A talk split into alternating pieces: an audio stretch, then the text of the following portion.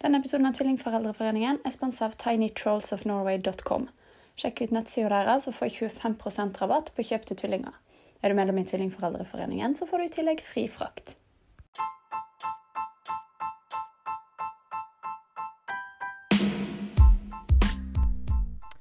Dette er Tvillingrådet.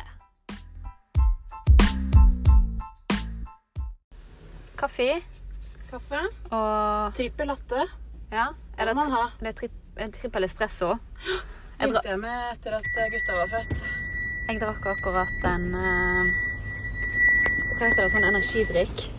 Ja. Det har blitt min last etter at jeg uh, slutta å snuse. Ja. Oi, radio er kanskje dumt i bakgrunnen når vi skal lage podkast. men dette var jo gøy. Nå, det vi gjør nå, er uh, Vi skal prøve å spille inn en podkast mens vi kjører bil. Eh, og det skal ikke handle om bil, det skal handle om eh, tvillinger. Eller Tvillingforeldreforeningen. Mhm. Eller kanskje det skal handle om deg, Hilde.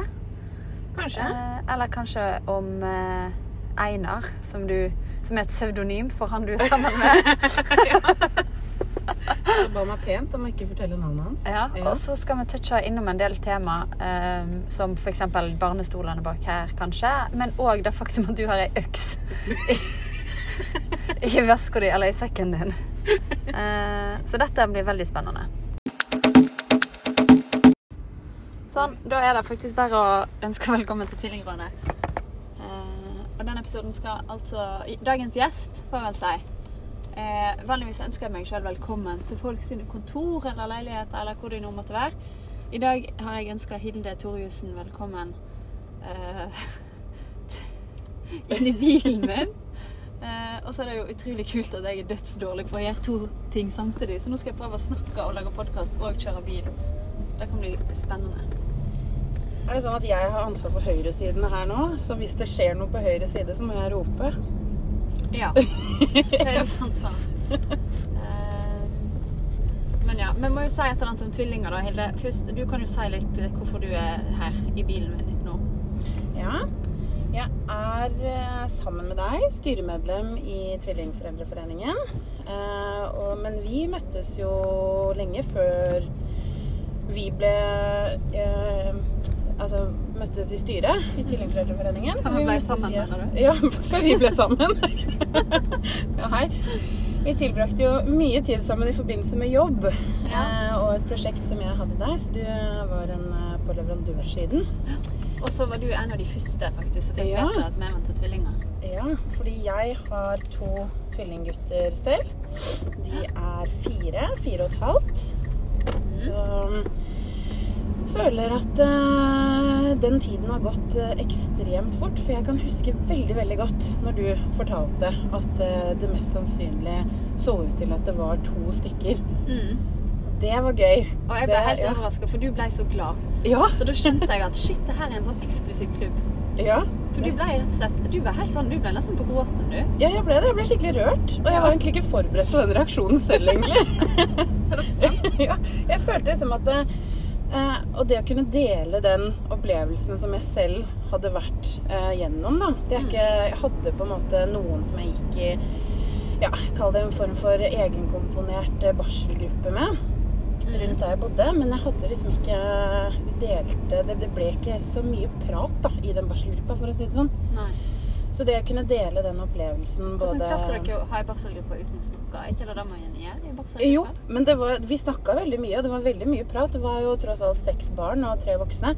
Det var jo bare det at alle prata rundt hverandre, og barna prata med hverandre, og vi prata med barna. Og men vi klarte nå å bli relativt eh, kjent. Men det er liksom noe eget med å kunne uh, gjenoppleve den graviditetsdelen, kanskje. Ja. Og så kjente jeg nok veldig på eh, hvor spesielt det var for meg å Altså, jeg kom tilbake til når jeg oppdaget at, jeg, at vi skulle ha tvillinger, da. Mm. Så det å da få den beskjeden fra deg, det var veldig sånn Ja, nei, det var veldig rørende. Jeg må innrømme det. Og jeg var ikke helt forberedt på at jeg skulle synes det. Det var veldig gøy. Og det var jo da vi bonda, egentlig. Sånn skikkelig. Ja, det var det. Og så har vi egentlig fulgt hverandre siden den gang. Ja. Du var jo eh, Vi jobber jo litt i samme bransje. Ja. sånn eh, markedsførere med fokus på lojalitet og kommunikasjon. Ja, vi liker folk. Vi liker folk, ja. Ja, og så liker vi å prate. Ja. Og han samme humor. ja. Og så har det fort blitt til at disse tvillingforeldreforeningmøtene som eh, kanskje egentlig ikke har vart mer enn sånn ja, halvannen til to timer, så har jo vi fort eh, kjørt på med en eh, time, halvannen ekstra på Ja. T-banestasjonen. med at Nå kommer min T-bane. Der gikk min T-bane. Nå kommer Der gikk den. òg. ja. da er det fint at vi sitter i bilen nå, for da kan vi holde på nesten så lenge vi vil. ja. Eh, I hvert fall hvis jeg klarer å unngå å krasje nå Det hadde vært fint. med den taxien der. Var en. Det hadde blitt bra podkast, da. Det hadde det faktisk blitt. Men du må nesten fortelle eh, hvordan du fant ut det. Du venter tvillinger. Ja, vi eh, Du og Einar. Jeg og Einar. Anony min anonyme mann. Uh, ja. Du, det var eh, Egentlig så er ei dame, og du bare tør ikke. Jeg tør ikke innrømme Nei da, det eh, det er min mann. Det, det er greit å være streit, altså. Jeg. Takk. Det er hyggelig. Ja. Vi Ja, vi, fant ut av det. Vi fant det ut ganske tidlig, faktisk. Jeg var ganske tidlig på ultralyd. Vi hadde hatt et par eh, svangerskap som ikke gikk eh, veien. Eh, så jeg hadde fått eh, en tidlig ultralyd bare for å se om alt var eh, ok. Eh, Og bare så det er sagt, for det er jo det første spørsmålet som alle stiller. Det er sånn typisk. Er de ekte? Oi! ja, det har jeg fått mange ganger. Ja. Er de ekte? Så ja, de er det, bare for å ha etablert det. Hva er, hva er en uekte tvilling? Dette vet jeg vi har snakket om før, men jeg er nødt til å stille spørsmålet. Nei, det er eh, vel naturlig unnfanget. Ja. Er eh, ifølge andre såkalte ekte Det er det tvilling. ingen, er som tør å spørre meg om, for de skjønner på en måte Nei, at de er fake. Nei, nemlig. Nei da, så Men vi hadde i hvert fall hatt et par eh, opplevelser som ikke var så ålreit. Og så derfor så ble jeg fulgt opp. Så jeg var alene, da, på, hos legen. Og så fikk jeg Ja, jeg hadde ultralyd, og han sa ja, her ser alt fint ut, og så videre. Så, men eh, jeg tror jeg skal sende deg på noen blodprøver og sånn. Så tenkte jeg ok, det har jeg ikke gjort de andre gangene, men det var nå greit. Det kan jeg godt gjøre. Og tenkte at det var som en naturlig del av oppfølgingen som jeg hadde fått, da. Ja. Eller skulle få. Og så fikk fikk jeg beskjed om å komme tilbake en og en halv uke ish senere. Og da hadde Da møtte han meg i døra, og han legen bare 'Dette blir spennende!' Oi. Ja, det, ja, det kan jeg jo være enig i. Jeg var jo mest nervøs og redd for at uh, alt ikke skulle være OK. Men tenkte jeg ok, det var jo en veldig voldsom reaksjon, men den er grei. Ja. Gikk inn og la meg ned, og da også Lene. Uh, og så sier han liksom Ja, her er det en. Eh, så jeg bare, Åh, ja, og det er hjertelyd. Ba, ja, det er det. Og her er det en til. Og da var min respons en til hva da? For det hadde ikke falt meg inn at det var en sannsynlighet for at det skulle være to der inne. Og han så på meg bare et, altså et, et, et foster til. Det er, det er to her inne. Og, og min reaksjon da eh, var et eh, veldig Jeg vet ikke om det nesten er lov å si, men eh, jeg sa vel å, fy faen i helvete.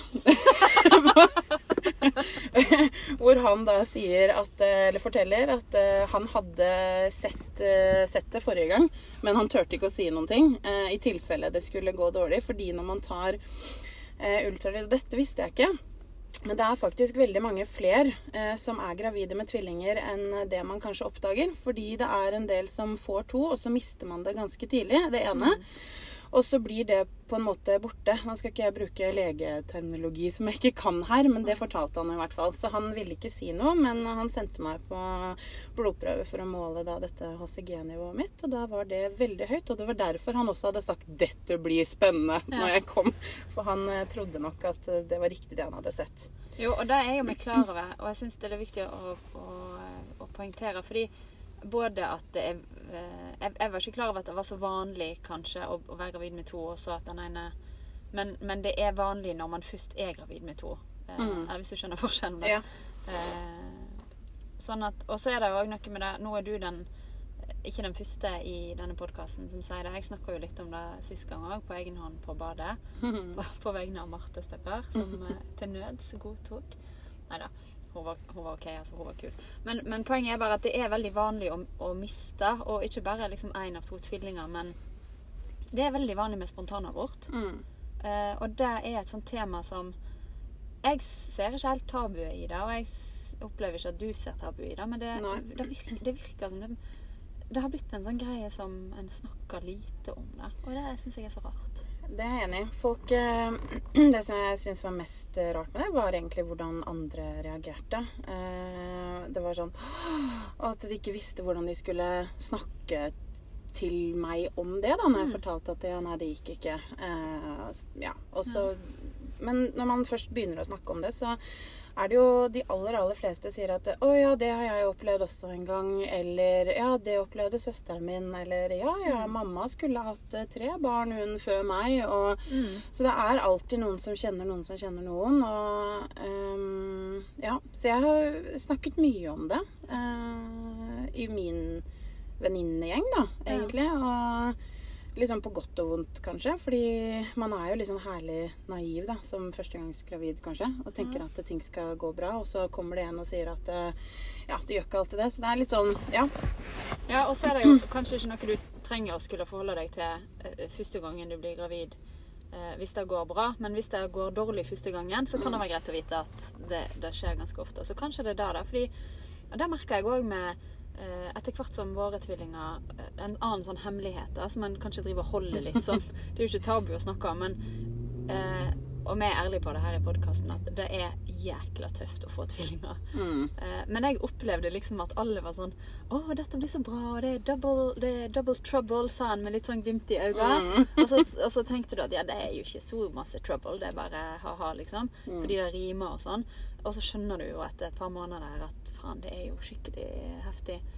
Eh, og jeg, vi hadde det som sjargong hjemme at det her var det ingen som fortalte oss om. Hvorfor er det ingen, Dette er det ingen som snakket om. Alle bare snakket om alt det fine, og, sant? men de vekker hverandre, og de eh, Ja, alle de tingene du gjør.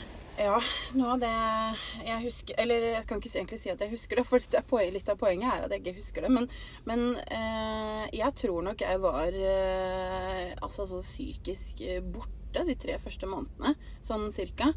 For de ble jo født eh, 15.9., eh, disse gutta. Jeg husker en gang sånn i midten av januar hvor jeg sto og så ut av vinduet hjemme, og så tenkte jeg Oi.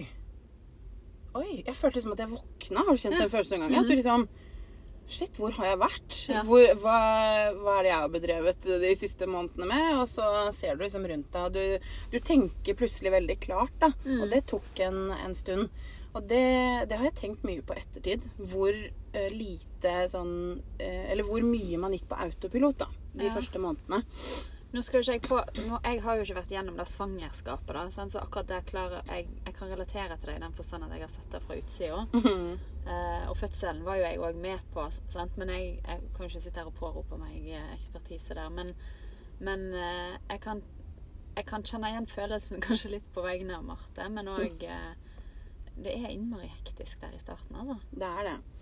Og vi fikk jo Eller vi, eh, vi brukte jo faktisk eh, Tvillingforeldreforeningen. Vi var på kurs eh, først, altså før gutta kom. Og det var jo litt sånn morsomt. Jeg tror det har blitt nevnt i en, en annen podkast som du har hatt også, eller en episode. Og det er at man pleier å si at ja, man starter med ti par, da, eller hvor mange man er. Og så er det alltid på siste kursdag, for vi var over flere uker. Eh, på siste kursdag så er ikke alle her, for da har noen på en måte født. da. Eh, fordi at eh, det, man kommer jo, eller tvillinger kommer jo ofte før enn det man eh, regner med. Men eh, vi var på det kurset og veldig, veldig fornøyd med det. Eh, men vi brukte også Tvillingforeldreforeningen i forbindelse med å få min manns eller så utvidet permisjon. For han fikk jo beskjed om at han kun fikk permisjon for ett barn. eh, For det var tross alt bare én fødsel. Ja. Eh, og da fikk vi hjelp fra Tvillingforeldreforeningen. Eh, dessverre så hjalp ikke det akkurat her, da, men, men, eh, men det var veldig god hjelp. Eh, og det er jo det er jeg veldig glad for, for vi var egentlig ikke sånn klar over akkurat den muligheten, faktisk. Eh, men eh, han fikk nå tatt ut noe ferie eh, og var hjemme i fire uker. Og, men når de fire ukene var gått, så skulle man jo på en måte være hjemme alene da, i åtte timer om dagen. så jeg tror nok man gikk inn i en sånn autopilot, eh, eller jeg gjorde jo det, og bare tenkte ja ja, dette må jeg jo bare håndtere. Nå er jo de ungene her, det er jo ikke noe å gjøre med det. Og ja. Husker så godt den oppvekkelsesfølelsen. Den der var bare Oi, skal vi se, ja. Hilde, det var meg, ja. Det var det jeg het, ja. Ok. Fire måneder senere, liksom. ja, litt sånn. Ja. Fantastisk. Ja, da er det bra at vi er flinke til å bruke mobilen. Det er jo Ja. veldig mange tvillingforeldre som sier det at de husker det ikke. Jeg husker hun Therese, hun som skriver, tegner den eh, 'Intet nytt fra hjemmefronten'. Jeg syns hun er så god Mm. med å catche sånne i, i tegningene sine. Og hun òg sa jo det at liksom Jeg husker ingenting, men jeg har masse bilder. Så det er fint Ja. å gå tilbake Ja. på, Faktisk. på minnene. Ja. Men eh, bare for å adressere Fordi det med den, det var jo før Nå har vi fått nye permisjonsregler eh, etter det. Mm. For både du og meg fikk jo tvillinger eh, Ja, du fikk jo året før oss, og Mm. vi fikk i november, og så juli påfølgende år. Altså juli 2018. ja. Et halvt år ca. etterpå. Ja. Mm. Da ble jo det innført at eh, Er det 17 uker, tror jeg, Mm. en får ekstra? Eller Ja. Mm. Eh, og da er det jo også sånn at vi anbefaler å ta dem sammen, og ikke bruke det til å forlenge morspermisjon, men at mor og far eller partner eller medmor eller hvem det nå er, Ja. eh, at en, en investerer litt sånn tid eh, Jeg har alltid sagt det at eh, jeg hadde Eller vi, da. eh, Og det er selvfølgelig individuelt. Alt er jo individuelt i disse Altså på akkurat når det gjelder akkurat det temaet her. Men for oss så hadde ikke vi noe behov for noe lengre permisjon. Ikke sant? Jeg hadde ikke behov for å være hjemme til gutta var to år. Det hadde definitivt behov for å komme meg ut før den tid. Men jeg har alltid sagt at det vi hadde behov for, hadde vært å være hjemme sammen de tre-fire første månedene. Fordi det ref situasjonen, eller det jeg fortalte om i sted, med at jeg våkna eh, om tre måneder etterpå og, og følte at det endelig kunne jeg vært til stede. Ja. Hvis vi hadde vært to stykker hjemme, så hadde den tiden blitt mye mer eh, Ja, eh, man kunne vært mye mer til stede, da. Og hatt tid til å bygge rutiner. Eh, og vi gjorde jo så godt vi kunne den tiden hvor, eh, hvor mannen min var hjemme. Men Einar, altså. Einar Det slutter ikke å være gøy. Nei, ikke sant, det er det. Men eh, ja. Så jeg tror eh, Jeg tror nok at eh, det er lurt hvis jeg skal gi et råd til noen, så er Eller når jeg gir råd til noen som skal bli tvillingforeldre, så er det det eneste rådet jeg på en måte tør å gi, da. Mm. Sånn Det husker jeg du sa til også. Ja. Ja, til meg. Eh, jeg tror veldig på det. Jeg fikk jo litt sånn gratistid hjemme bare fordi Altså, jeg fikk jo innvilga ei ekstra uke etter fødsel. Eh, uten lønn, vel å merke, men jeg fikk den.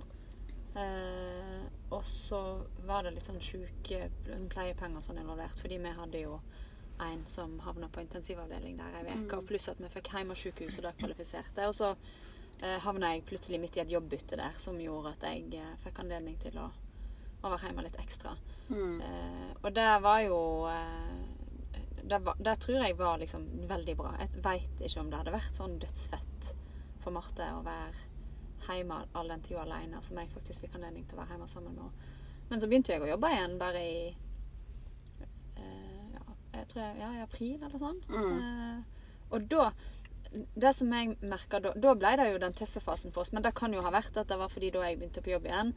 Men da begynte det òg å skje For jeg føler liksom den aller, aller første tida Da er det jo unntakstilstand. ja? Så det, det er liksom Alt er nytt, og, alt, og verden består liksom av Alt annet er bare vekke. Det er akkurat som liksom det du var opptatt av før. Det fins ikke. Facebook fins, men det er omtrent det, og litt sånn nyheter. Mm. Vi reiste faktisk på hytta, Ja. husker jeg. ja. Eh, vi var vel hjemme ja, Jeg tør ikke være sånn superpåståelig på tidspunkter og sånn, men eh, i og med at eh, han var hjemme sammen med meg i fire uker, så jeg kan tenke meg at vi dro opp eh, etter, at, eh, ja, etter et par uker. Mm. Det var veldig deilig. Fordi Ja. da var det, det var ingen som måte skulle komme og besøke oss der. Og vi kunne gå en tur og trille, og det var i september. Det var kjempefint vær, husker jeg. Eh, Så det var, det var veldig deilig. Ja. Å bare eh, ja, få bli litt sånn kjent med situasjonen. Før Ja. han på en måte skulle ut igjen. Vi fikk Sånn jeg- oss litt. Ja. Når jeg kom ut av skapet, så flytta jeg til Spania for å bli kjent med meg sjøl. Ja, men det er litt det samme. kom jeg hjem ferdig lesbisk. Du kom tilbake fra hytta ferdig tvillingmor. Det er ja. genialt. Jo, men av og til man gjør litt sånn. Men det jeg skulle fram til, da, det var jo at når jeg begynte å jobbe igjen i april, da var tvillingene fem måneder. Og da var jo den der sove, ete, bæsje, sove, ete, bæsje-fasen på vei til å bli ferdig. Da begynte jo de å bli litt folk, sant? for Ja. da var de jo ikke premature lenger. Og da ble det plutselig litt mer krevende. Fordi det blir jo bare mer og mer krevende til jeg tror det slutter å bli det. Eh, og så når de er Ja. 14, så er det krevende på en helt annen Ja. måte. Sånn. Men fordi da begynte de jo liksom Da skulle ikke de bare sove og ete og drite, men da skulle de plutselig bli underholdt òg. Ja, ja. Så da var det en greie. ja, Og så skulle de utforske, og sakte, men sikkert så skulle de liksom krabbe, og så skulle de opp og ja så skulle én krabbe og én gå. Og så er en som blir sur fordi den ene går og den andre ikke har lært det ennå. Mm. Den er også fin. Og så biter de, eller i hvert fall med gommene, Mm. sutter litt, og så er det gøy, og så må du passe på litt. Og så fra å kunne liksom gå fra de mens de lå på sofaen, for de hadde ikke kjangs til å rulle rundt engang, så må du plutselig Det kommer bare mer og mer element inn, da. Ja. Men det tror jeg er eh, naturens vilje. Fordi var, for vår del så var det sånn at vi rakk akkurat å bli nok glad i de. Mhm. Så at ikke vi heiv de ut vinduet når vi hadde det, de verste nettene. Ja. Så det er helt sikkert en sånn kalkulasjon. Men det kan, være, det kan jo være greit å vite om det. Nå har vi sulla oss langt inn i den første Ja, fasen. Da. Definitivt. Men, eh, men sånn er det jo. Men fordi eh, fire og et halvt er dine nå, Mm. og da eh, Hvordan ser Og det er toeggede. Bare så, Ja. så har vi sagt det òg. Ja. Og så er de ekte. Så er de ekte. ja. For dette kan. Einar. Dette kan hende. Nå må vi Ja. slutte å tulle med Ja. Nei. Da. Det er eh, to aktive gutter eh, på fire og et halvt som eh, er veldig ulike. Og det er, eh, det er veldig gøy å se at de, er- de er veldig forskjellige utseendemessig. Og så har de definitivt hvert sitt lynne. Ja. Um, og Er det de har jeg bevisst på deg sjøl at de er tvillinger? Eh, ikke så veldig. Vi har ikke hatt så fokus på det. Nei. Egentlig helt sånn Ikke fordi vi har bestemt oss for at vi ikke skal ha fokus på det, men de har på en måte ikke blitt kalt tvillingene eh, fordi at de har vært eh, Altså bare to ulike gutter, på sett og vis. Ja. Men, um, men de vet at de er det. Men de er mer opptatt av at de er brødre. Og de begynner å snakke nå litt om hvem som kom ut først, og hvem som er størst, og alt mulig sånn. Mm. Det er også en ting, da. eh, Bare for å fortsette digresjonsløpet her. Men, La men det. det er også et sånt spørsmål eh, man ofte får. Nå vet ikke jeg om eh, de som har fått, eller får et barn, får det samme spørsmålet, men veldig ofte Fødte du? Ja. Fødte du vanlig? Det er også sånne du spørsmål som fremmede ekstra- mennesker har spurt meg. Ja. Eller stilt meg spørsmål om. Ja. Det er ingen som tør å spørre meg om sånt. Du, fordi Nei. når det lesbegreiene kom inn i bildet, da blir, ja, men da blir det sånn usikkerhet og tabu. jeg. Ja. Så det, av og til er det noen som ymter frampå sånn Ja, hvem var det som eh, Og så kan jeg velge å catche eller ikke, da. Hvem var det som hva? Det morsomste er jo bare å dra den så langt som overhodet mulig. Så at Ja, ja. de bare må ro og ro og ro. Det skal jeg neste gang. Ja. Prøv å få det med på podkasten. Ja, ikke sant? Men, eh, men fødte du? Nei, jeg gjorde ikke det. Eh, vi hadde, eller vi fikk eh, keisersnitt. Eh, altså, jeg tror vel egentlig ikke de hadde tenkt å komme ut i det hele tatt. Ja. De kom vel ut i uke 38 pluss et eller annet. Eller det er vel kanskje det som kalles uke 39. Jeg er litt usikker. Dette glemmer man når man ikke er der lenger. Men, eh, men han eh, som satt nederst, han satt godt planta som en buddha med rumpa ned. Så da fikk vi spørsmål om eh, hva vi ville gjøre. Så da eh, sa jeg vel at eh, eh, det ønsker jeg ikke å gå i gang med. En, eh, en eh, setefødsel. Eh, det følte jeg var litt for risikabelt. Ja. Og hun, legen som jeg hadde, hun ville egentlig ikke anbefale meg noe. Hun var veldig opptatt av at jeg skulle ta det valget selv. Men hun sa vel det at når jeg hadde tatt valget, da, så sa hun at det tror jeg er fint. Så da setter vi opp eh, Du tok riktig valg. Ja, det var litt sånn, men hun sa det på en litt annen måte. Men Mm. nok eh, til at jeg skjønte at dette syns hun var greit. Og jeg elsker sånne fagfolk som liksom lar deg få lov å kjenne på ting, og så Mm. hjelper de deg heller litt hvis du velger feil. Da. Det valget som eh, Årsaken til at jeg tok det valget, var basert på en venninnes erfaringer. Eh, så det hjalp meg veldig. Og det er jo igjen det med å være åpen om ting, da. Eh, hvor hun var åpen om sin eh, setefødsel og hvordan hun opplevde det. Eh, og ja, på en måte dramatikken eller opplevelsen rundt det, som gjorde at med to stykker så tenkte jeg at det det trenger ikke jeg. Så jeg er veldig takknemlig for hennes åpenhet Ja. rundt det, da. Ja, det blir litt som å begynne et maraton med brekt fot. da. Sant? Ja. Og hun sa jo det etterpå, hun legen, at eh, grunnen til at hun syntes at det kanskje var greit, var jo fordi sannsynligheten er jo stor for at det ender med et keisersnitt uansett. Ja. Så det å gjøre jobben såpass mye, og så ender det med et hastesnitt, det er, eh, er ikke helt det de ønsker når det er en baby til inni der som faktisk skal ut og bli stressa. Mm. Men eh, ja. Så vi hadde planlagt keisersnitt, og det vi fortalte vel ingen, eller veldig, veldig, veldig få, om den datoen. Litt for at det skulle bli den samme følelsen som at det skulle være en fødsel som satte i gang av seg selv, da. Men det var en sjuk opplevelse å stå opp den dagen og bare vite, eh, så tidlig, tidlig på morgenen, og bare vite at eh, å, fy søren, om fire timer så er vi fire. Ja. Vi øker eh, mengden familiemedlemmer fra Ja. to til fire på veldig kort tid. Ja. Så de er eh, født eh, med to minutters mellomrom. ja. Mm. Jeg har ikke hørt om så mange tvillinger som er født med særlig mer minutt mellomrom. Men våre Jo, hun eh, eh, Sara, tvillingfrue, hun, der gikk det vel en god stund òg. Men Martha òg. Olai kom jo ut 50 minutter etter Amelie. Ja. Nå satte han seg litt fast òg, da, men det var jo ikke så lenge. Altså, det gikk lenge. Og de lot han bare ligge, for han hadde det bra inni der. Mm. Så det er sånn folk eh, er de Men fikk dere tid til å, å hilse på Amelie på en måte da? Mm. Altså sånn Fikk henne opp og Ja? Ja, jeg fikk henne til meg. Ja. Det var Mhm. litt sånn eh, Da forlot jeg Marte. Ja. Jeg hadde jo stått ved siden av henne hele veien og vært sånn eh, skvisepute. Mm. Eh, og så hadde vi jo forberedt Eller hun, vi var jo forberedt på at hun ikke fikk Amelie nødvendigvis opp fordi at det var en baby til som skulle ut. Mm. Eh, men da ba de meg om å komme og Så jeg bare reiv av meg klærne. Jeg husker det sånn Vanligvis så river du ikke bare av deg klærne i et rom fullt av folk, men det gjorde jeg da. Veldig naturlig i en slik setting. Tingen, ja. Ja. Og så fikk jeg sitte i en stressless fortsatt ved siden av Marte, da, men med Amelie eh, på brystet. Og det var, det var helt sjukt, egentlig, den følelsen. Da var jeg skikkelig emosjonell. Og så, så lå hun der og lagde sånne Først så var hun dritforbanna. Og det er jo fortsatt den dag i dag. Og så lå hun liksom der og lagde sånn lyd. Ja. Eh, helt til han kom ut. Og da, var, da ble det litt kaos, fordi han, han lagde jo ikke en lyd, og de tok han ut på gangen og alt det der. Og, så, det må, og det må være sagt, fordi det var veldig stressende. Men da sa de til oss òg at det, det er så sjukt mange ganger det der går bra. Mm. Eh, men de gjør det jo fordi at det er noe med at de må få ting i gang. Og, Mm. Og så fikk vi se han eh, kjapt eh, før de tok han inn på intensivavdeling, og så fikk jeg gå inn der etterpå. Ja. Og Det tror jeg jeg snakket litt om òg sist, når jeg satt på egen hånd der og babla. Ja. Det, det må si det er hyggeligere å bable med noen, faktisk, i bilen. Jeg måtte parkere da. det, det ble, jeg følte at det ble litt masse bråk, og så merka jeg at OK, jeg er litt ufokusert. Merket at jeg ble litt stressa. Ja. Jeg Jeg så mest uh, Hilde satt liksom godt planta bak i setet. Ja. Ja. Nå sitter vi på Hvor er vi egentlig? På Tonsenhagen? Nei, På Bjerke. på Bjerke er vi faktisk. Mhm. Vi har travbanen rett bak Ja, oss. det har vi.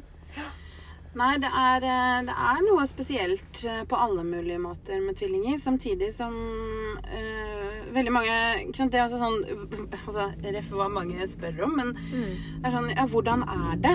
Eh, hvordan er det å ha tvillinger? Så er jeg sånn, ja, men jeg vet jo ikke noe annet på en måte heller. Det er jo, det er jo vårt første Eller våre første Vårt, ikke sant? Hører du? Mm. Våre første barn. eh, og stor sannsynlighet for eneste også. for eh, ja, det er um, Det er strevsomt, men samtidig så tenker jeg at uh, man, tar, man håndterer jo bare det man får, da. Ja, og det òg er litt sånn uh, morsomt med tvillingforeldre. For det er akkurat som man er ekstra god på å bare akseptere. Ja, nå er dette det vi forholder oss til. Da må vi gjøre det, og så klarer vi jo det. Mm. Eh, men det er Ja, jeg syns jeg, jeg må jo si at eh, jeg var jo en av det. Jeg har jo alltid syntes det var dritspennende med tvillinger. Uh, uten at det har vært en sånn hobby eller noe. Men, men det har liksom alltid vært en sånn, ja. Uh, men så slår det jo meg òg at ja, det er spesielt, men jeg klarer ikke å sette fingeren på hva det er. Så jeg skjønner liksom hvorfor folk spør. Mm. Men det er bare at når du sitter midt i grauten, så, så er det jo hverdagen, som du sier, og da vet du jo ikke noe annet. Men det er akkurat som nå har jeg glemt hvordan det var å ikke ha tvillinger. Ja ja. De er jo Ja, de er, føles jo ut som de har vært der i 20 år. Ja.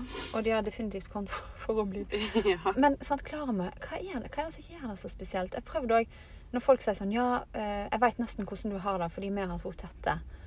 Og så føler jeg meg forplikta til å si ja, det gjør du sikkert. Mm. Men så vet jeg jo òg at det er jo ikke det samme. Fordi, og der òg har vi snakket litt om det der med f.eks. du kan sende en unge i barnehagen og gå hjem og være hjemme med den andre. ja.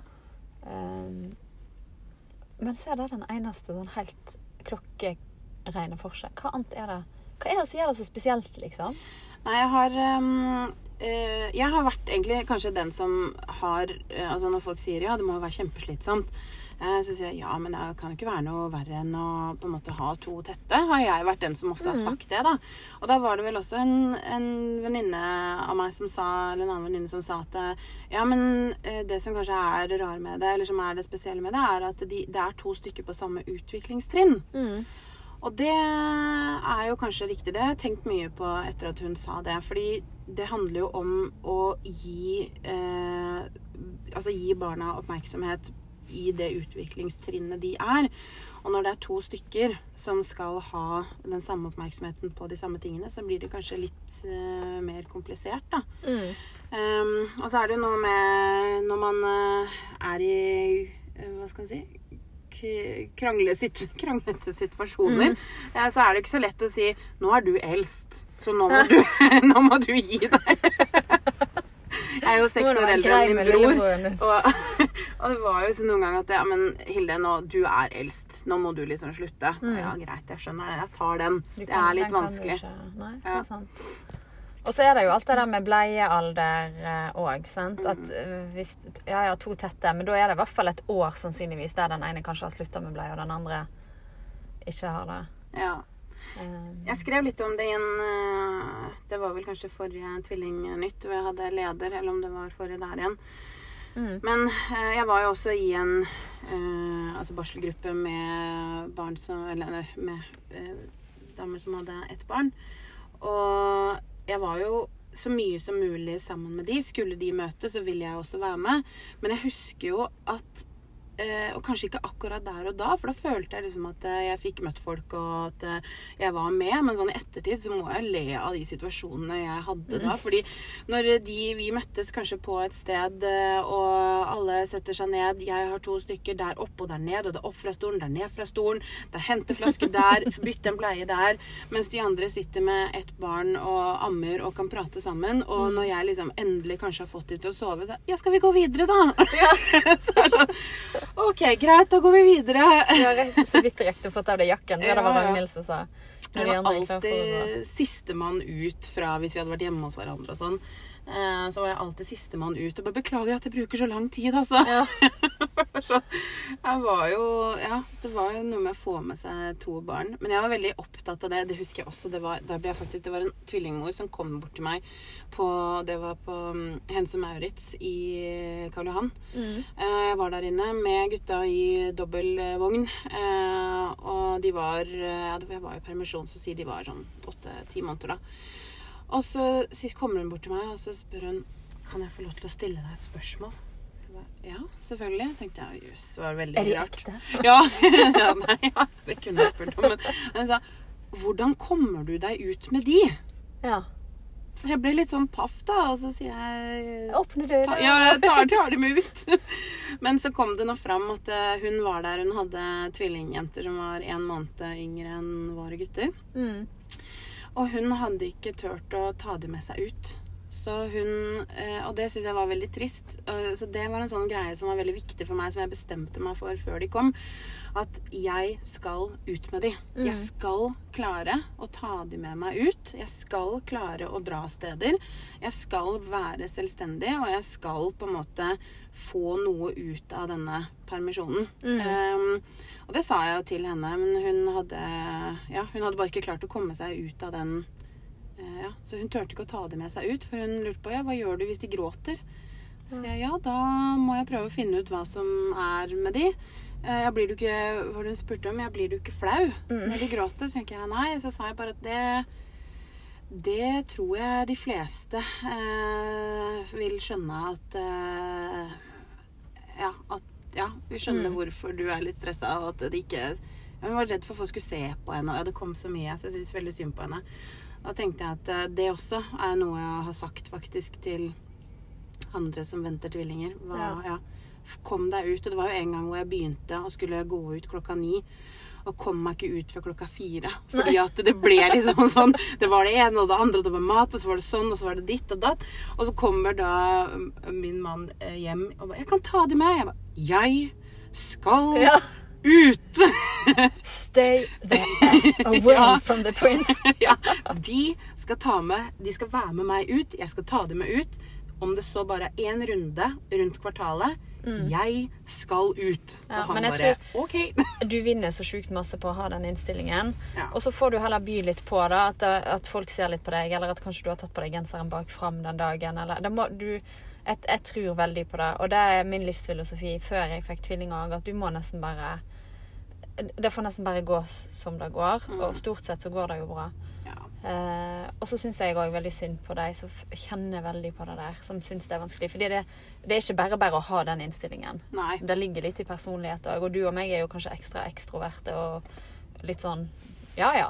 Ja. Men jeg husker to historier, egentlig. Men den ene, det var nå i, i jula eh, nå som var. Så eh, hadde Marte litt masse jobb og greier, så vi fant ut at eh, kanskje jeg skulle ta med meg ungene til Vestlandet der eh, imellom der, bare for å Da kunne vi treffe litt folk, og så fikk Marte eh, gjort det hun skulle. Men det innebar jo en flytur, da. Eh, ikke bare meg og tvillingene. Jeg hadde jo Oliver med meg på 14. ja. Men han satt jo der og var dødflau. Han satt Selvfølgelig. Men da- alderen. Ja, og da hadde vi én tvilling, Olai, som jeg kan, jeg kan si det for fordi, Det får de by på når de blir store nok til å høre det her. Han chilla maks i sitt sete med De var jo akkurat bikka to år, da, selvfølgelig, Mm. så de måtte ha eget sete. Eh, og han fikk brannmannssam på mobilen, og selvfølgelig Jeg bruker skjermen til det. Ja, ja. Men Amelie hun hadde ikke tenkt å sitte i stolen sin. Eh, hun hadde i hvert fall ikke tenkt å ha setebelte på. Nei, Eh, selvfølgelig. Og det gikk altså, den kula gikk så varm at jeg kom ut av det flyet med blødende kloremerker på begge kinn. Og en unge på hver arm. Og liksom, jeg er sikker på at kjolen var du- Rumpa var sikkert ute, og du veit alt det der. Og du så liksom de folkene i ankomsthallen. De bare Jeg følte liksom Jeg vet ikke helt om det var eh, sympati eller Men jeg bare kjente at ja, sånn er det faktisk. Og dette, dette har dere godt av å se. Det er da man har behov for en sånn sky som er over deg, hvor det står sånn, blinker sånn Tvillingmam, Mm. tvillingmam, get away. Ja. Step away. Men så det beste med det var jo at eh, Da skjønte jo jeg at her hadde jeg gjort en dårlig jobb i å preppe henne. For hun ble redd. Det var jo det som skjedde. Ja. Og så kom det en flyvert som var ufattelig søt og skulle prøve å liksom Ja, du må sitte i setet ditt. Nei! ropte ungen. ikke sant? Eh, men det som skjedde, var jo uh, Fordi da satt jeg der og tenkte OK, dette er kanskje det nærmeste jeg har kommet uh, risting, faktisk. Ja. Uh, men så bare sovna hun plutselig. Hun var jo trøtt, hun var Ja, redd, hun var ikke forberedt. Og så våkna hun når vi landa, og så grein hun litt, og så var det ferdig. Men den dag i dag så snakka hun om den gangen hun var lei seg på flyet og klorte mamma. Ja. Så det sitter det minnet der. Men Åh. vi måtte jo bare gjennom. Og da, hva gjør du når du skal fly tilbake da, fra Bergen til Oslo? Jo, da forbereder du ungen. Og det gikk som en drøm, liksom. Så det er verdt å ta med seg at det kan skjære seg, og så kan du bruke det, og så kommer det noe fint ut av det Mm. neste gang. Og da gikk det helt strålende. Og Oliver var en champion. Han satt jo og dealte med Olai, selv om han var ganske sånn uh, lite Det var ikke så masse han trengte. Det var å få satt på brannmannssam når den gikk i Ja, lås. ja. Men eh, ja, Oliver er helt konge å ha med på tur. Så jeg var jo selvfølgelig ikke helt alene. Nei, men eh, det, man har jo på en måte ansvaret alene selv om, da. Ja da. Men jeg tror, jeg tror at eh, når man, eh, at man kanskje legger til seg en sånn Ja ja, så gikk denne dagen åt skogen. Så er det en ny dag i morgen. Da er det bare å legge seg og sove, og så våkner man, og så prøver man på nytt igjen. Du er nødt til, og det, det tror jeg nok at man er nødt til å bare bestemme seg litt for også. Eh, at det, det, er jo sånn altså Ja, det ligger i personlighet eh, å tenke sånn, men samtidig så tror jeg rett og slett man bare er nødt til å Du må jo bestemme lære det fra noen. Ja, ja. Noen må jo fortelle deg at det er mulig å si til seg sjøl at sånn her gjør vi det, og det kommer til å gå bra. Ja. Så det er jo derfor det er så viktig å snakke om ting, og snakke åpent om ting. Snakke, snakka, snakka. Det er kjempeviktig. Ja, herregud. Del, del, del.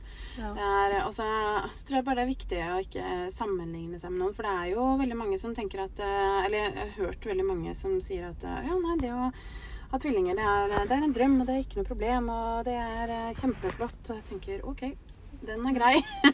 alt Men noen har jo sånne historier. Ja, ja, ja. Helt klart. Og jeg sier ikke at det har vært kjipt heller, for det har vært veldig gøy. Og det er også blitt sagt eh, flere ganger i denne podkastserien, men eh, i disse koronatider, et uttrykk jeg forresten er litt lei av, men mm. vi får nå fortsette å bruke det en stund til, Ja.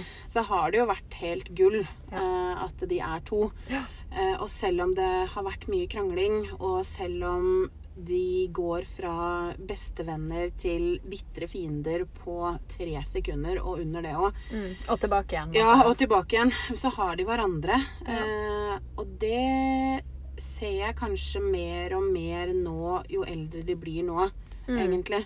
Sånn fire og et halvt, fem år, og de kan kommunisere, og de prater med hverandre. og det morsomste er å sitte og se på altså under middagsbordet, f.eks. Hvor de sitter, Du sitter de under middagsbordet? Nei, ja, de sitter under, under middagen. Å, Nå. Så jeg for meg at du satt under bordet og så på dem. Kunne skjedd. Kunne skjedd. Kunne skjedd. Nei, de sitter under middagen og prater sammen, og vi blir på en måte ikke inkludert, da. Nei. Det er den der eh, samtalen som de har sammen. Eh, og de sitter bak i bilen og prater med hverandre, og så er det selvfølgelig en av de som er mer sånn luring, da, og liker å tulle og hisse opp den andre, for han er fullstendig klar over hvilke knapper han skal trykke på, og så har vi det gående. Men eh, ja. Ja, sånn er det hos oss òg. Og der er det eh, Amelie, altså jenta, som er eh, Hun er litt mer taktisk enn så lenge, i hvert fall. Mm. Taktisk, det var et Eh, godt men, ord. ja, men de samtalene eh, for, for, Vi har det ikke verken under eller over bordet ennå, fordi det er litt sånn men, men eh, når de legger seg, så er det utrolig underholdende noen ganger å bare sitte og høre på noen av de tingene de får seg til å si. Og det er liksom alt ifra at hun trøster han, for han syns det er skummelt, og hun forklarer han at det er ingen monster. Og jeg aner ikke hvem som har lært dem hva monster er og sånn, men det tipper jeg i barnehagen. Til at noe er urettferdig. Det òg kom hun med en dag, at eh, dette var urettferdig.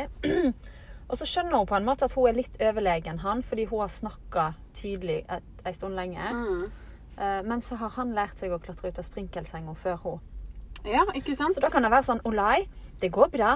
Jeg er ikke farlig. Olai, kan du hjelpe meg? så det er liksom Og så går praten, da. Og det er jo eh, Og det båndet Jeg har merka det i, i koronatid at um, Jeg føler nesten at båndet dem imellom har blitt litt sterkere. Fordi i barnehagen så vet jeg at de er veldig obs på hverandre, men de har ikke lekt så masse sammen. De har ulike interesser. Eh, Men hjemme har de jo vært tvunget til å på en måte forholde seg til de samme aktivitetene. Mm. Og nå er de på samme sånn kohort. Og det går visstnok kjempebra. De, er, de krangler nesten ikke, sier de. Nei. Er veldig gode venner og er veldig opptatt av at den andre skal ha det bra. Vi måtte splitte de der. Ja. Helt klart. Eh, det var eh, Ja, det var for så vidt flere årsaker til det, men jeg fikk eh, beskjed om eh, at når de da eh, Den første uka så var de sammen. og uken etter så fikk de lov til å gå hvert i sitt. Det var ingen dramatikk rundt det. Det var egentlig bare positivt. Men da var det veldig mye roligere, mm. har jeg fått beskjed om. Så Men de- hva var dealen, da? Hva, skje, hva skjedde med Johannes' Nei, jeg tror de bare De hadde gått oppå hverandre veldig lenge. Og så har de en hva skal jeg si, lavere tålmodighet med hverandre enn de har med andre barn. da. Ja. Eh, og de veit at eh, eh, Ja, de veit hvilke knapper de skal trykke på, og de kan krangle, krangle mye mer.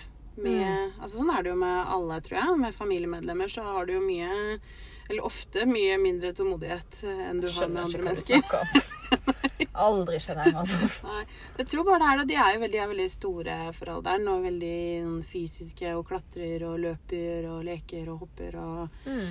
Så det å ja sitte stille eh, sammen er ikke så veldig mye av hjemme hos oss. Det er eh, ja. Men så bra, tenker jeg, at noen eh, Og det er litt sånn Noen tvillingfødsler er lette, noen er ikke det. Noen blir unnfanga naturlig, eller noen er ekte, og noen er ikke det. Det er jo altså eh, Alle tvillinghistorier er helt unike, og det er kanskje det jeg eh, Selv om det er en sånn banal ting å si, da, men det er kanskje det jeg tar mest med meg etter denne tida i både Tvillingforeldreforeningen og kanskje spesielt med podkasten, at Det er jo ingen historier som er like. Og bare fordi det er tvillinger Jeg, jeg driver og sammenligner det med å være homofil. Jeg, altså, fordi det er, ja, men det er litt det samme. Altså, bare fordi du, du er ikke om, så tvilling så, Nei, sant, jeg ser det. Men, eh, men det er litt sånn eh, Jeg husker når jeg jobba som DJ på en, på en homsebar. Så var det noe med at Det eneste folk hadde til felles, var jo legning. Men musikksmaken var jo helt ulik. Så Ja, ja. ja, kan, du, kan du ikke spille noe homsemusikk? Ja, hva er det for deg, for deg da? uh, og sånn er det litt med Bare fordi du har tvillinger, så Ja, det er selvfølgelig en sånn felles greie, men hver eneste historie og hvert eneste tvillingpar, og ikke minst hver eneste tvilling, er helt unik, og det må vi uh, også huske på. Nå prøvde jeg å bli litt filosofisk, vi skal runde av. Jeg tipper det er dødsdårlig luft inni bilen, men jeg har ikke tørt å åpne fordi det bråker det så fælt. uh, men har du noen siste sånne, jeg vet ikke jeg, eh, life hacks, eller Hva er ditt life hack med tvillinger? Oi. Mitt er alt er en fase. Ja. Den, eh, den følger jeg, eh, og det klarer jeg for så vidt å tenke også. Men eh, vet du hva, jeg, jeg veit ikke. Men det, noe av det som vi har vært altfor dårlige på, da, for å si det, som kanskje hvis jeg kunne gjort det på nytt, Ja. at jeg ville gjort det annerledes, det er å skille de mer. Altså ikke bare sånn i barnehagen og avdelinger og, og sånne ting, men, men å bruke tid på én og én. Ja, for nå er det jo for seint. Ja, ja, det er ikke for seint, men, men jeg, ser at, eh, jeg ser at jeg gjerne skulle ha brukt mer tid på det tidligere. Ja. Eh, Fordi at jeg tror vi hadde blitt mye bedre Høres ut som jeg ikke kjenner mine egne barn. Jeg gjør jo det, men at man har blitt mye mer kjent med dem og kunne kanskje løst opp i ting og forstått dem mye mer hvis man hadde tilbrakt tid med dem. Men så er det noe med at eh, hverdagene er jo ikke sant, består av jobb og barnehage og henting og middag og alt mulig, og det er ikke så mye tid igjen. Og helgene vil man jo gjerne være sammen alle fire. Mm. Men, eh, men det å bare eh, litt eh, Ja, sånn Det var vel en tidligere podkast du sa, bare liksom, hvor det ble sagt bare ta trikken ned til byen typ, eh, og hjem igjen med én. ja. Eh, det tror jeg ville spart oss for mye frustrasjon. Jeg gjorde det i går, så delte vi Vi gjør det av og til. Ikke, sånn, det er ikke sant, mer en strategi på det, men vi prøver å huske på det innimellom. Så i går tok jeg med meg Olai i bilen og kjørte for å hente en pakke. Det var liksom ekspedisjon på Ja. Og så var Meli hjemme. Og de blir jo helt sånn Hæ? Hvor er Meli? Hvor er Olai? Eh, skal vi hjem igjen? Kommer de snart tilbake? Og de blir jo helt sånn Men jeg tror de har godt av det, de òg. Ja, og ikke minst å få den der Jeg ser bare deg akkurat nå. Det er ingen andre som lugger meg eller roper at Ja, de, Jeg tror de også skjønner den oppmerksomheten, fordi de skriker mye etter oppmerksomhet. Det ser jeg jo i at de prater jo i munnen på hverandre. Mm. og høyere og høyere og høyere. Og høyere. Eh, og bruker mye tid Litt på sånn som oss. Ja, litt sånn som oss. ja, bruker mye tid på Jeg hører deg. Jeg følger med på deg. Du må være stille. Ja. Jeg følger deg. Men eh, ja, Det er kanskje sånn life hacks. Jeg har ikke noe jeg kommer på akkurat nå, men eh, jeg har nevnt et par ting. Men akkurat det ville jeg nok eh, gjort litt annerledes hvis Ja. jeg skulle fått gjort det nytt den. Ja. Det var jo eh, en ting som Hedvig Montgomery sa òg. Jeg vet ikke om det er et life hack, men jeg har testa det bitte litt nå. Det der med å av og til bare la de finne ut av ting sjøl. Altså, Ja, ja. Og ikke gå inn i alle kranglene. ja, ja, ja, ja. Helt riktig. Det har jeg funnet Det på. Ja, det er veldig effektivt. Ikke alltid. Noen ganger må du jo. Sant? Kan gå veldig dårlig. Ja. Kan bli blodig. Det kan bli Bokstavelig talt. ja, sant? Men, men innimellom må bare liksom I hvert fall vente et, par sekunder for å se. For da har det plutselig skjedd at en av de har gjort sånn OK, du Ja. han. Så står du der og bare Hæ? Eh, og en annen sånn positiv erfaring som jeg har hatt nå, det er to og et halvt, da, bare det kan være greit å vite. Mm. Det er ikke, ikke 14-åringer, liksom. Men uh, det der med at en av de har en ting, og så vil den andre selvfølgelig ha den. Og prøve å si sånn Ja, men da må du vente på tur. Nå er det, han, nå er det Olaug som har den, og så får du den etterpå. Og da, i ni av ti tilfeller, tør jeg påstå, her vil Marte være uenig med meg, men da gir Olai greien til Amelie og sier vær så god. ja. Og så plutselig så mister den jo interesse. Altså, ja. Så, men eh, ja, det finnes sikkert mange, mange life hacks. Eh, Det kan jo folk gjøre hvis de har et life hack som ikke har vært nevnt. Så send det til oss på post1tvilling.no. Eller på Instagram eller på Messenger. Eller fått masse hyggelige meldinger fra siste episode. Det skjønner jeg. Så ja, jeg er litt usikker på om jeg ja, var i hvert fall ikke forberedt på det. Men utrolig hyggelig. Det er veldig stas hvis folk gjør lyd fra seg, for det er ikke så langt ifra innspilling til publisering nå. Gitt at vi havner litt bakpå.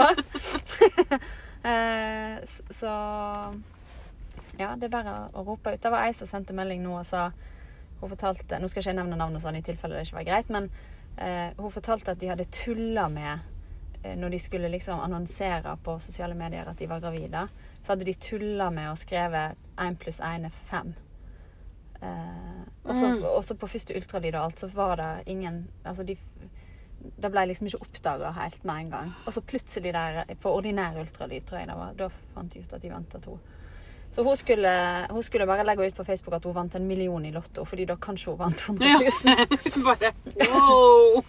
Så- Troll i ord er ikke det det heter? Men alle sånne tilbakemeldinger Har du en artig historie eller noe vi bør snakke om? Det var ei som etterspurte søvn, så det skal vi lage en egen episode på.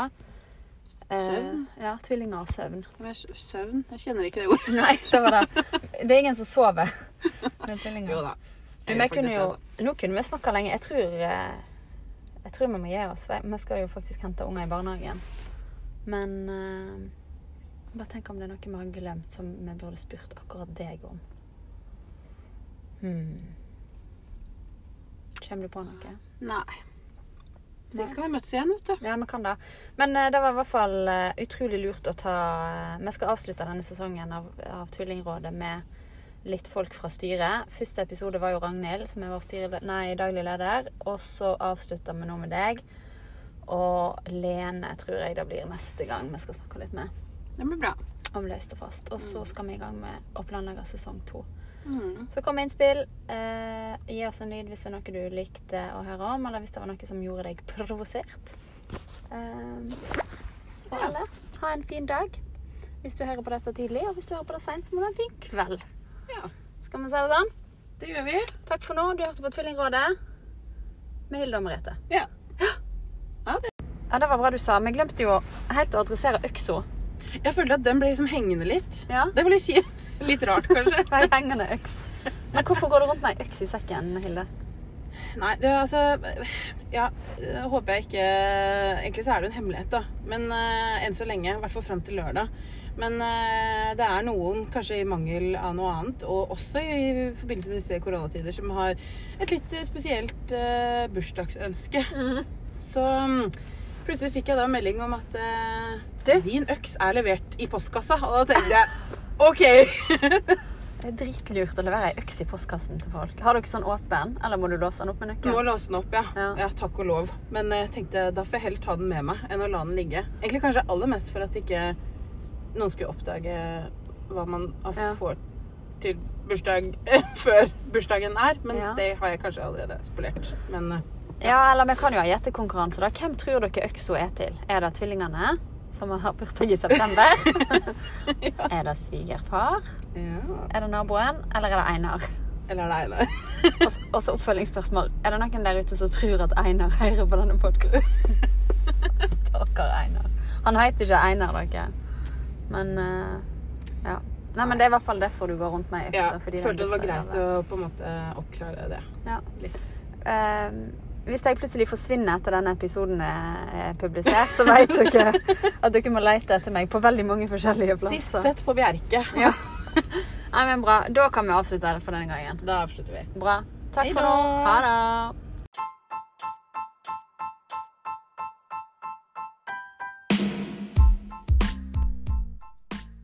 Du hørte på Tvillingrådet.